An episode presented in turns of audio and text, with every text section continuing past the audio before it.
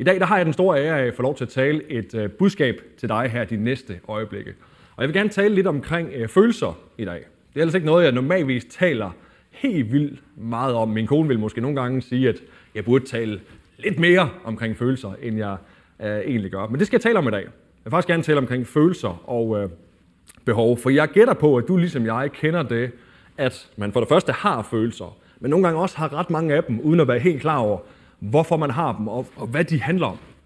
Det her med, at for mig, for mig der kan det nogle gange være sådan, at jeg går rundt derhjemme og vågner op om morgenen, og har sådan en dag, hvor jeg føler mig på en eller anden måde utilfreds, eller føler mig lidt restløs, og går rundt som sådan en løve i buret. Lige nu gør jeg det faktisk måske lidt meget, fordi vi er ret, ret meget hjemme alle sammen lige nu, men går og føler sig lidt som sådan en løve i et bur, fordi der er et eller andet, jeg gerne vil. Der er et eller andet, jeg godt kunne tænke mig at gøre.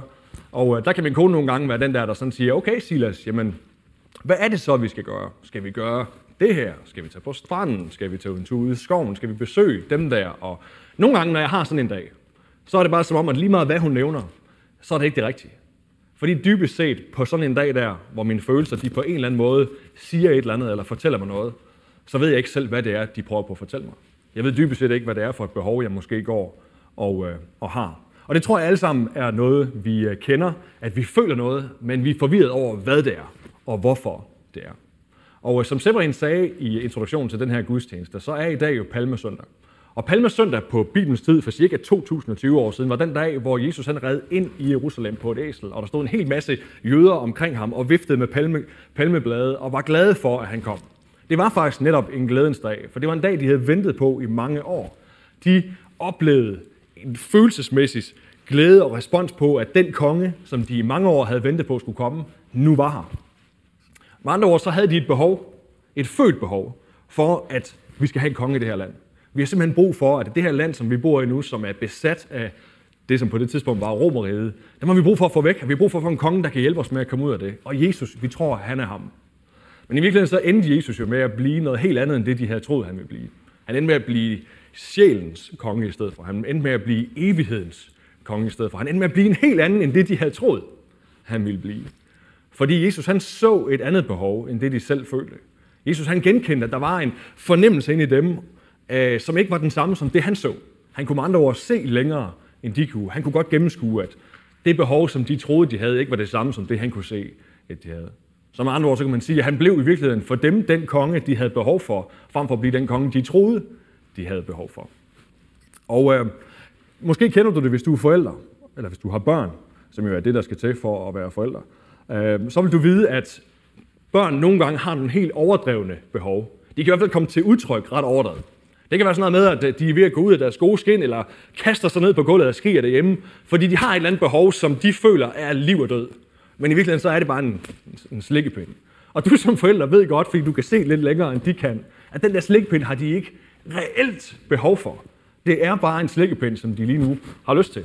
Og fordi du kan se længere end dem, så er du godt klar over, at der er faktisk måske i den situation, hvor de tigger og beder om at få den og kaster sig på gulvet, så ved du godt, at der er noget andet, de måske i virkeligheden har brug for at lære. Det kan være, at det er at gå op på værelset og rydde op, før man får sin lille belønning med en slikkepind. Det kan også være bare noget helt almindeligt tålmodighed eller modhold, at man ikke altid skal have det, man lige tænker. Det kunne være, at der var noget, et andet behov, noget andet, de havde brug for at lære.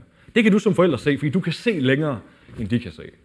Sådan tror jeg faktisk også, det er for os, som er voksne hvis du ellers er voksen. Men jeg tror også, det er sådan for os. Selvom vi har levet i længere tid i vores relation til Gud, nogle gange så kan vi mærke behov i vores liv, som vi er meget, meget virkelige for os, og som er meget, meget følte.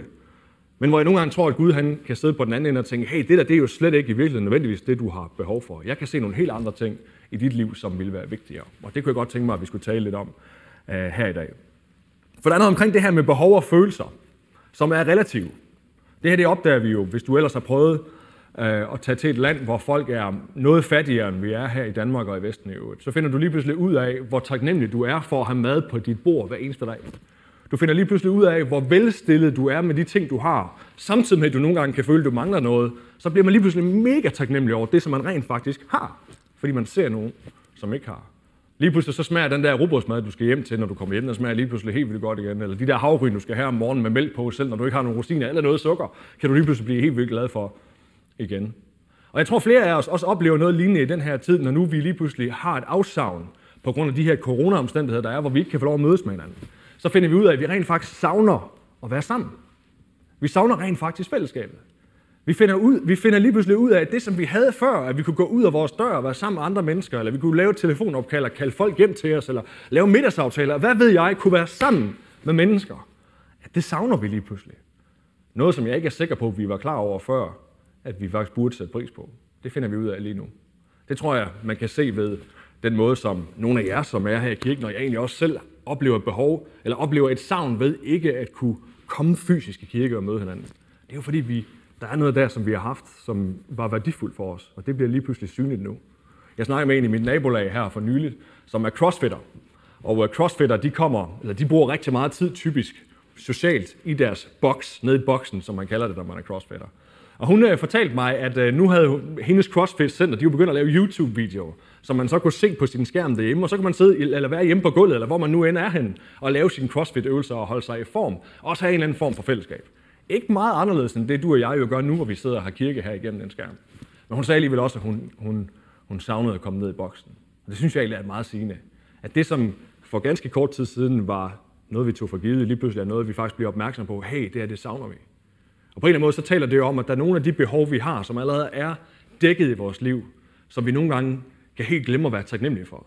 Som vi kan helt glemme at rent faktisk at sige tak for, eller sætte pris på, fordi de har bare altid været der. Og så er det som om nogle gange, så stiger vores ønsker, så får vi nogle andre behov, så lægger vi nogle andre ting oveni, som lige pludselig bliver helt vildt vigtige for os. Men som måske i virkeligheden bare er en eller anden form for fruntegode, eller flødeskum, eller kald det hvad du vil. Jeg håber, du måske kan genkende det. Og jeg tror i vores kristne liv, til du og jeg, som, øh, som tror på Jesus, så er der nogle paralleller i det her. For der er noget omkring det der med, at nogle af os, når vi kommer til Jesus og begynder at gå sammen med ham, så kommer vi til nogle gange at lugte lidt af, at vi lever i en evig jagt efter, at han skal gøre noget mere for os. Efter han skal løse nogle af vores behov. Efter han skal give os noget af det, som vi ønsker os.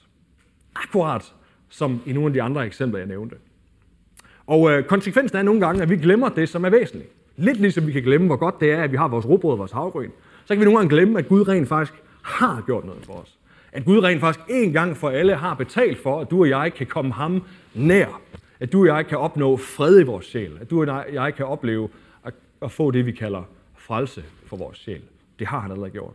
Og nogle gange i den her jagt efter flere ting, så kan vi glemme at sætte pris på det. Jeg kan i hvert fald. Jeg ved ikke, om du genkender det. Og vi skal i dag læse en historie som netop handler omkring det her med behov, og have en oplevelse af behov, men hvor Gud nogle gange kan have et andet perspektiv. Det skal vi læse sammen fra det nye testamenter af. Og øh, baggrunden for det er, at jeg i efteråret sad og læste alle de fire evangelier i det nye testament. Jeg læste dem nogle gange igennem for at få dem rigtig godt ind under huden. Fordi jeg gerne ville lære noget mere omkring Jesus. Og så var der en dag, hvor jeg sad og læste et kapitel, vi skal læse sammen lige om lidt, og hvor det bare sprang op i øjnene på mig. Jeg tror, Gud han talte nogle ting til mig øh, den dag, som jeg godt kunne tænke mig at forsøge her og formidle videre til dig nu, og øh, håber og tror, at du vil blive velsignet af det også. Og øh, det håber du er klar på. Og hvis du er klar, kan du så ikke lige give til kende, at du faktisk stadigvæk sidder derude ved lige at skrive klar med store bogstaver i kommentarfeltet herunder, så ved vi og kan blive opmuntret af, at du stadigvæk hænger på og stadigvæk er vågen. Skulle du være i hvert fald i søvn, så kan du lige gå hen og brygge en kop kaffe, det bliver ikke sur over. Vi skal læse sammen fra Markus evangelie kapitel 2 og vers 1 og til og med 12. Og der står sådan her. Da Jesus efter nogle dages forløb igen kom til Kapernaum, rygtedes det, at han var hjemme. Og der samlede sig så mange mennesker, at der ikke engang var plads uden for døren. Og han talte ord til dem. Så kom der nogen hen til ham med en mand, som var lam, og der blev båret af fire mand. Men da de ikke kunne komme hen til Jesus for de mange mennesker, så fjernede de taget over det sted, hvor han var. Og da de havde lavet hul, så sænkede de borgen med den lamme ned. Da Jesus så deres tro, siger han til den lamme, Søn, dine sønner har tilgivet dig. Eller er tilgivet dig. Men der sad også nogle af de skriftkloge, de tænkte i deres hjerte, hvad er det dog, han siger? Han spotter Gud.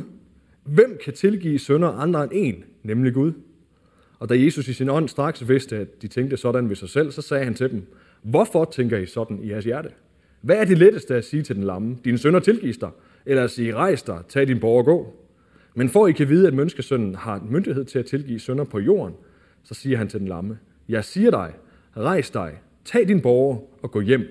Og han rejste sig, tog straks borgen og forlod stedet for øjnene af dem alle sammen. Så de blev helt ude af sig selv og priste Gud og sagde, aldrig har vi set noget lignende. Det her det er en fantastisk historie. Det er sådan en af de der bibelske, nytestamentlige klassikere, som du nok, hvis du ellers er vant til sådan at komme i kirke, eller er vant til at have noget med Jesus og tro at gøre, så har du formentlig hørt den nogle gange. Det kan også være, at du har læst den nogle gange, eller hørt nogen prædike om den nogle gange, og det er der alle mulige gode grunde til. Det er jo en Det er jo en vild historie. Det er sådan en af de der historier, hvor man ønsker, man lige kunne komme tilbage og være en flue på væggen et øjeblik. Eller at de sociale medier havde eksisteret på det tidspunkt, så man kunne finde en eller anden story for en af dem, der var til stede i rummet på det tidspunkt, og se, hvad der rent faktisk foregik. Det, øh, det, det kan vi så desværre ikke, så du er efterladt tilbage med min fantasi, og måske også din egen fantasi omkring, hvordan det kunne være, og de ting, som ellers står i Bibelen. Forhistorien til den her, eller hvad kan man sige, konteksten for den her historie, er, at Jesus har været ude at rejse omkring, og på det her tidspunkt, der er han så vendt tilbage, kan vi læse, til Kapernaum, og der står omkring, at han er kommet hjem igen. Og øh, her udspiller sig jo et ret vildt scenarie. Jeg ved ikke, om du sådan fornemmer det, når du læser det. Men der sker nogle ret vilde ting på det her sted. For det første, så står der efter, at vi får at vide, at Jesus han er vendt hjem, at der går et rygte om, at han er der. Så mennesker, de samles. Der er masser af mennesker. Hele huset er popfyldt med mennesker. Og uden, så mange, der står folk uden for døren, som ikke kan få plads indenfor. Det gad jeg personligt godt, var tilstanden i vores egen kirke og i vores kirke i Danmark. Og jeg tror på, at vi godt kan komme dertil. Fordi evangeliet omkring Jesus er gode nyheder. Og det rygte skal vi bare have spredt ud omkring. Men det var rent faktisk det, de så her. Ingen plads, hverken indenfor eller udenfor, fordi folk så gerne ville høre, hvad han havde at sige. Prøv at forestille dig det. Mennesker, som står uden for det her hus her, og står og kigger over hinanden, og prøver at kigge over skulderen på hinanden, og nogen tysser på hinanden, fordi de ikke rigtig kan høre, hvad det er, han siger. Og uden på gaden må der jo, gætter jeg på, være folk, der er kommet gående forbi, som har kigget og tænkt, hvad sker der inde i det der hus der? Hvorfor? Hvorfor er der så mange mennesker? Ligesom man jo gør, når man kommer gående. Hvis du har prøvet at komme forbi på et tidspunkt, hvor der måske har været et trafikuheld, eller der står usædvanligt mange mennesker i en butik, så fanger det altid ens opmærksomhed. Så gætter jeg også på, at det har været den her dag. Og øh, midt i alt det her, der møder vi lige pludselig fem personer, som er ret vigtige her i historien. Det er nemlig fire venner, eller fire mand står der, og så den her lammemand, som ligger på en borg. Og øh, de her mennesker, de kommer formentlig, fordi de, eller de her mænd kommer, fordi de gerne vil have den her mand helbredt. Det gætter jeg i hvert fald på. Det er det, der sker i historien. Og kommer til det her hus og ser, at det er fyldt op. Og laver så det her hul i taget, øh, sænker manden her ned foran Jesus. Og så står der, at Jesus ser deres tro og siger til manden, der ligger på gulvet her, at hans sønner tilgives ham. Og der er vi simpelthen nødt til lige at holde en pause. For prøv lige at overveje den her situation her. Lad os først lige kigge på de her venner her. Prøv lige at overveje, hvad det er for nogle venner at have. Venner, som for en mand, som ingenting kan give igen. En mand, som er lam, som absolut aldrig, formentlig nogensinde kommer til at kunne give dem noget som helst tilbage igen. Bruger de en masse kræfter på at slippe med derhen. Jeg ved ikke med dig, men jeg gad for det første godt selv være sådan en ven. Og jeg gad også godt faktisk have nogle flere af den slags venner, selvom jeg har nogle rigtig gode venner. Prøv at tænke over det der med, at i en situation, hvor han ikke selv har mulighed for at komme hen til Jesus, der tager hans venner ham og bærer ham hen foran Jesus. Ved du hvad, jeg synes, vi skal have en opfordring i dag til os, eller en god udfordring er, at når mennesker omkring os ikke har mulighed for at komme hen til Jesus, så bærer vi dem. Når der er nogle mennesker omkring os, som har brug for en borgering af Gud, så bærer vi dem hen foran ham. Jeg tror på, at det er et af kaldene i vores liv. Jeg tror rent faktisk på, at de her fire mand, de var kirke, som kirke bør være, før kirke overhovedet fandtes. Det kan man godt sige amen til. Hvis du mener amen, så kan du lige skrive det i kommentaren hernede under. Så prøv at overveje, hvad det er, de rent faktisk gør. De ankommer, formentlig gætter jeg på, som jeg sagde før, for at få den her mand helbredt. Og vi ved ikke noget om, om det var på bestilling, eller om det var egen frivillige. Altså om manden havde bedt dem om at gøre det, eller om de selv havde hørt et rygte om, at Jesus han kunne nogle tricks, og lad os få ham derhen. Det som vi ved, det er, at de giver ikke op. Det kan vi se ved, at de kommer til et hus, som er fyldt, men de vælger en ret speciel løsning i forhold til at komme ind i det her hus her. Øh, de kunne jo have valgt at stå i kø uden for det her hus, men det valgte de ikke at gøre. Prøv at tænke over, hvad det siger omkring deres iver, deres utålmodighed i virkeligheden og deres passion. Prøv at tænk den gejst, der har været, at de kommer til et hus med en mand, som formentlig har været lam hele sit liv, og som jo godt måske kunne leve med, kunne man argumentere for at være lam lidt længere tid, hvis de bare satte sig uden for huset og ventede på, at Jesus på et eller andet tidspunkt kommer ud igen. Han skal formentlig ikke være inde i det hus resten af sine dage, og på et eller andet tidspunkt skal han vel ud og lave et eller andet. Der kunne de godt have siddet klar til, at han kom ud. Det valgte de ikke at gøre. De valgte i stedet for en ret speciel løsning, kan man sige. Fordi der var et følt behov i blandt dem, som de troede på, at Jesus han kunne løse, og som de har tænkt sig at gøre det, der skulle til for at få løst. Prøv lige at overveje den tro der.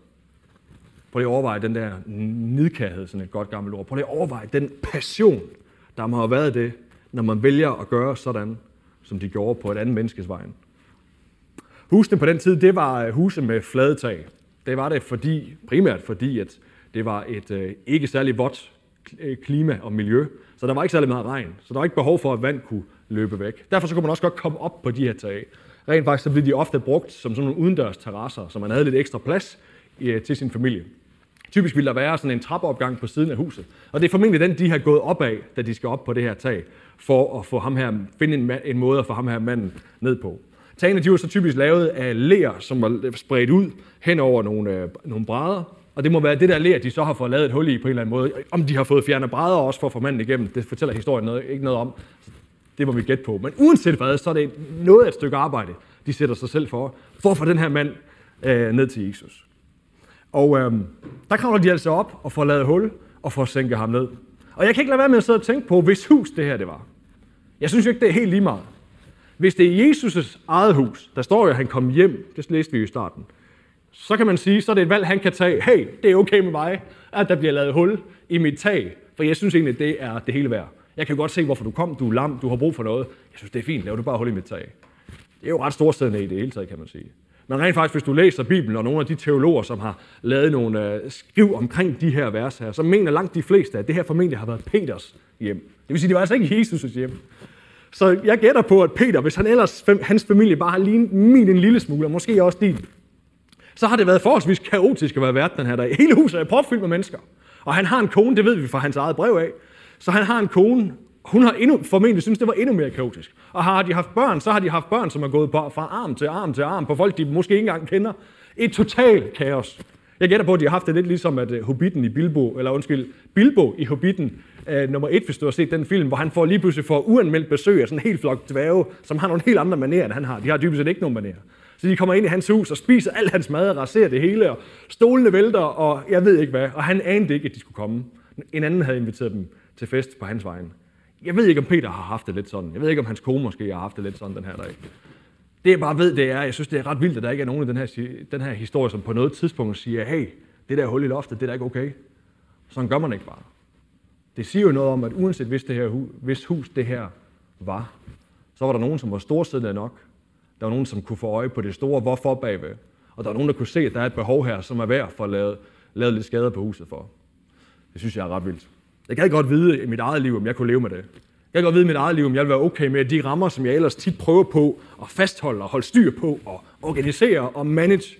Om jeg vil være okay med, at der bliver lavet hul i dem for en anden menneskes skyld. Det er ikke altid, jeg er i stand til det. Men Jesus og Peter, de var. Det synes jeg er ret provokerende. Og det siger ret meget om dem. Jeg tror faktisk, det er et godt billede på Guds kærlighed. Vi ved jo, at Peter han var åbenbundet så han må nok have været okay med det, ellers så tror jeg, vi havde hørt fra ham. Um, og hvis vi går lidt tilbage igen til den lamme på jorden, det var der, vi kom til. Han er lige blevet sænket ned på jorden, og så ligger han der, og så hører vi, at Jesus siger de her ord, at han så deres tro. Og så siger han, søn, dine sønner tilgives dig. Jeg kan godt vide, hvad han har lagt og tænkt der på det tidspunkt. Var det de ord, han gerne ville høre? Hvordan har hans oplevelse været med det? Jeg forestiller mig, at han er blevet firet ned, han har lagt der og prøvet at balancere på den der bord der, og lige det han lander, så ligger han bare og venter på, at Jesus, som han har hørt så meget om, skal sige, rejs op og gå, eller blive helbredt, eller du skal ikke være lam mere, eller et eller andet andet vildt. Og i stedet for så hører han de der ord. Dine sønder er tilgivet dig. Og jeg forestiller mig, at han ligger der og tænker, mine sønder, det var ikke mine sønder, jeg kom her for. Jeg kunne være taget op i templet, eller jeg kunne være gået et eller andet sted og offret en ged eller en gås eller et eller andet, hvis jeg gerne ville have gjort noget ved mine sønner. Jeg kom her, fordi jeg er lam. Jeg kom her, fordi jeg ikke kan rejse mig op. Det var da ikke mine sønner, jeg kom her for. Jeg gætter på, at hans venner måske på samme måde havde været forvirrende, stået og kigget lidt rundt på hinanden og tænker, okay, var det derfor, vi brugte alt det krudt?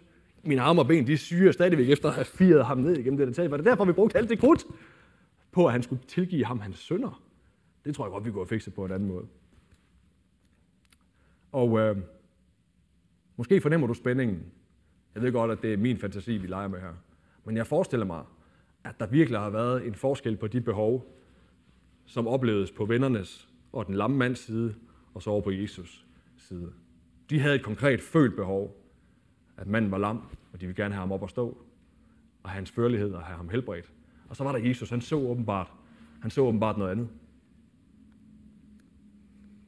Og jeg tænker sådan her på, at hvis det nu for Jesus virkelig er vigtigere, at vores sønder tilgives, end det er, at vi bliver helbredt, så må tilgivelse være ret vigtigt. Hvis det er vigtigere for Jesus at tilgive en mand, som er synligt lam og ligger ned, så må det jo sige noget omkring vigtigheden i tilgivelse. Det må sige noget omkring det behov, vi rent faktisk har for at få tilgivelse for vores sjæl, hvis ellers vi tror på, at Jesus har ret, og det gør jeg. Det burde jo på en eller anden måde gøre noget ved os, tænker jeg. Fordi du og jeg, som er efterfølgere af ham, vi har jo vidsthed omkring. Grunden til, at du måske sidder her i dag, er, fordi du har oplevet, at Gud han tog din synd væk. At Gud rent faktisk tilgav dig din synd. Og jeg gad godt vide, om du faktisk er klar over, at det, han har taget din synd, rent faktisk er et større mirakel, end hvis han helbredte dig for lamhed. Jeg kan godt vide, om du er klar over det. Jeg kan godt vide, om du og jeg rent faktisk glæder os over det på det niveau, vi burde gøre. Fordi hvis vi forstod vigtigheden af det, Gud allerede har gjort, at det Jesus allerede har gjort i os, så tror jeg, det vil gøre noget ved os. Og øh, i den samme scene, mens den lamme ligger der, Jesus har lige tilgivet hans sønner, så skifter de lige pludselig fokus. Fordi Jesus han læser nogle tanker i det der rum.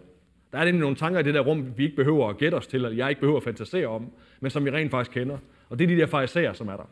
Der står nemlig nogle fariserer i det her rum, som er meget, meget fortørnet, eller bliver meget, meget fortørnet over, at Jesus han formaster sig til at sige, at han kan tilgive nogens sønder. Og Jesus han læser deres tanker, og vild som han er, så ved han, hvad der foregår inde i deres hoveder. Og han konfronterer dem lige på stedet og siger, hvorfor tænker I sådan der? Hvad, hvad, hvad er det sværeste? At helbrede en syg, eller tilgive en sønder? Det er næsten som om han siger, I havde været okay med det, hvis jeg havde taget sygdommen fra ham. Men når jeg tilgiver hans sønder, så har vi et problem. Hvad er det sværeste? Det rigtige svar er i virkeligheden, at begge dele er dybest set umuligt. Der er ikke nogen af os mennesker, der hverken vil sige, at vi kunne helbrede en, en lam person, eller tilgive folk alle deres sønder. Så det er et umuligt spørgsmål. Men det han peger på, der er vores, er vores tilbøjelighed til altid at få øje på det fysiske. Det vi kan røre ved, det vi kan se, det som er foran os, de følte behov. Og det han taler til, det er, det er, det er et argument omkring, at hvis jeg nu kan tage ham her sygdom, vil I så ikke også tro på, at jeg kunne, tage, jeg kunne helbrede? Hvis jeg kan rejse ham herop fra sit sygeleje af, så han ikke længere er lam, jeg ved, om jeg så ikke også kan tilgive sønder. Jeg gætter på, at for den lamme mand, som lå på gulvet, så har det været et kæmpestort emneskifte. Jeg forestiller mig, han ligger jo stadigvæk og er lam. Det eneste, han har hørt nu, det er, at han kan blive tilgivet for sine sønder. Og så hører han ellers, at Jesus begynder at parlamentere med de her fariserer. Hvis jeg er ham, så lader jeg bare ligge og tænke, kan vi lige komme tilbage til det, det hele handler om? Jeg er altså ikke blevet slæbt op af et tag i 45 graders, øh, graders vinkel op ad de der trapper. Jeg var lige ved at falde ned flere gange. Lå op i stegne hede op på taget. Og så blev jeg firet ned flere meter igennem det her tag, mens det her pus bare væltede ned i øjnene på mig. For at høre jer stå her og diskutere. Og han er jo også så heldig, at det næste, han hører, det er ikke flere tanker, men det er en direkte ordre. Fordi Jesus han demonstrerer sin myndighed over for de her farisæer og hele rummet i øvrigt, ved at pege ned på manden og sige, rejs dig, tag din borger og gå hjem. Forestil dig det. Og hvad er sådan et rum der. Og jeg har hørt alt det, der er blevet sagt. Og så lige pludselig så hører du de der ord blive sagt. Forestil dig manden. Historien fortæller os jo ikke noget omkring, hvordan det rent faktisk føles, da Jesus han siger det. Fortæller os ikke noget omkring, om der går noget igennem hans krop, om han kan mærke et eller andet. Det, som vi bare kan læse, det er, at manden han rejser sig op. Han adlyder. Han gør det, som Jesus han sagde. Han rejser sig. Han tager sin borger, og så står der, han forlod stedet for øjnene af dem alle sammen. Og hele huset går mok. Hele det der miljø der går bare mok og råber, aldrig har vi set noget lignende, mens de priser Gud. Det vildeste mirakel. Jeg synes, det er ret fedt i den her historie, at vi får styr på nogle prioriteringer og behov. Jesus han viser os, hvad det vigtigste for ham er. Det vigtigste det er, at der kommer, at din sjæl kommer på plads. Det vigtigste det er, at han får lov til at træde ind i din sjæl. Men det er jo ikke nok på det, for han helbreder rent faktisk også den syge mand. Han viser også, at han rent faktisk har kraft. Han har rent faktisk myndighed, og han har viljen. Vigtigst af alt. Viljen til også at helbrede ham og rejse ham op. Og jeg har bare lyst til at sige til dig, dig, dig som sidder derude, uanset om du har kendt Jesus i lang tid, eller det her er helt nyt for dig at være en del af det her, så er det det samme, der gælder for dig. Jesus han vil rigtig gerne have fat i din sjæl, for han elsker dig. Han er en god Gud, han er en god far, og han kan give dig den fred, som du måske mangler. Men han vil også rigtig gerne møde de fysiske behov. Og det er fantastisk, når han gør det. Jeg har selv oplevet det nogle gange i mit eget liv. Jeg har set det ske for andre. At Gud han har helbredt mennesker, eller sat mennesker fri fra ting, de simpelthen ikke kunne blive fri fra. Men jeg har også selv oplevet at blive fri. Jeg har selv oplevet, at mørke tanker, depression, at angst og frygt forsvandt fra mit eget liv af. Og det er det vildeste. Hver eneste gang, det er, at Gud han gør sådan noget i ens liv, så er det som om, at alt omkring en bliver mere smukkere, bliver mere levende.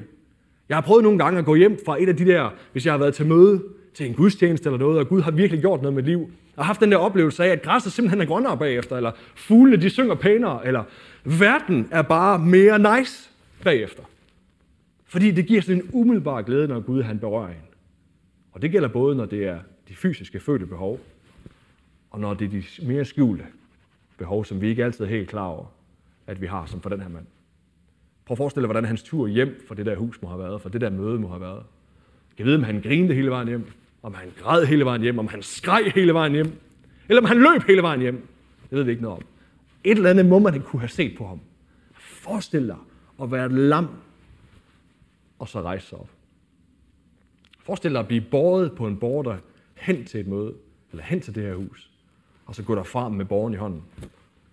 Prøv at tænke over kontrasten af det. Først så bliver han båret på en borger af andre mennesker, men på vejen hjem, der går han bære sin egen borger. I sin egen hånd, der havde han vidnesbyrdet, bevisførelsen på, at Gud har gjort noget i sit liv. Jeg ved ikke, om du er helt er klar over det, men dig, som kender Jesus i forvejen, din fortid, er i virkeligheden din borger. Den fortid, du har, eller den tid, du havde før Jesus, som du nogle gange ikke har lyst til at se tilbage på, eller de fejl, du begår løbende i dit liv, men som Jesus han, han tilgiver dig for. Det er dybest set bare den borger, du går med. Det er beviset på, at Gud han har gjort noget i dit liv. Det er beviset på, at Gud har mødt dig. Og at Gud han trådte ind i din virkelighed. Akkurat som for den her mand. Og lektien til os den her dag er, tror jeg. For det første er tro på, at Gud han er en god Gud. Tro på, at Jesus han vil dig, og han vil mig, og han kan. Men også at glæde os over det, han allerede har gjort. Glæde os over, at han har givet dig fred i din sjæl. Han har mødt dig med sin kærlighed. At den er fri tilgængelig den her dag. Og så nogle gange bare lade være med at kigge alt for meget på alle de andre behov, vi også oplever og har, og som ikke altid synes at blive mødt. Ikke kig for meget på de bønder, du beder, som ikke bliver hørt. Ikke kig for meget på de ting, du mangler, som du ikke har fået endnu, og som Gud måske ikke lige har svaret på endnu. Det vigtigste, det har han svaret på. Og det er frelse for din sjæl, fred for din sjæl, og evigt liv, når det her liv engang slutter. Det her liv er i virkeligheden så kort, selvom vi kan have svært ved nogle gange at se det. Men på den anden side, når vi en dag ikke er her mere, når du dør, når jeg dør, så venter der en evighed. Og der er det ret vigtigt, at vi er kommet i kontakt med ham og har fået tilgivet for vores synd. For tilgivelse for vores synd betyder, at du kommer til at leve sammen med ham for evigt bagefter. Og det er klart at foretrække i forhold til alternativet.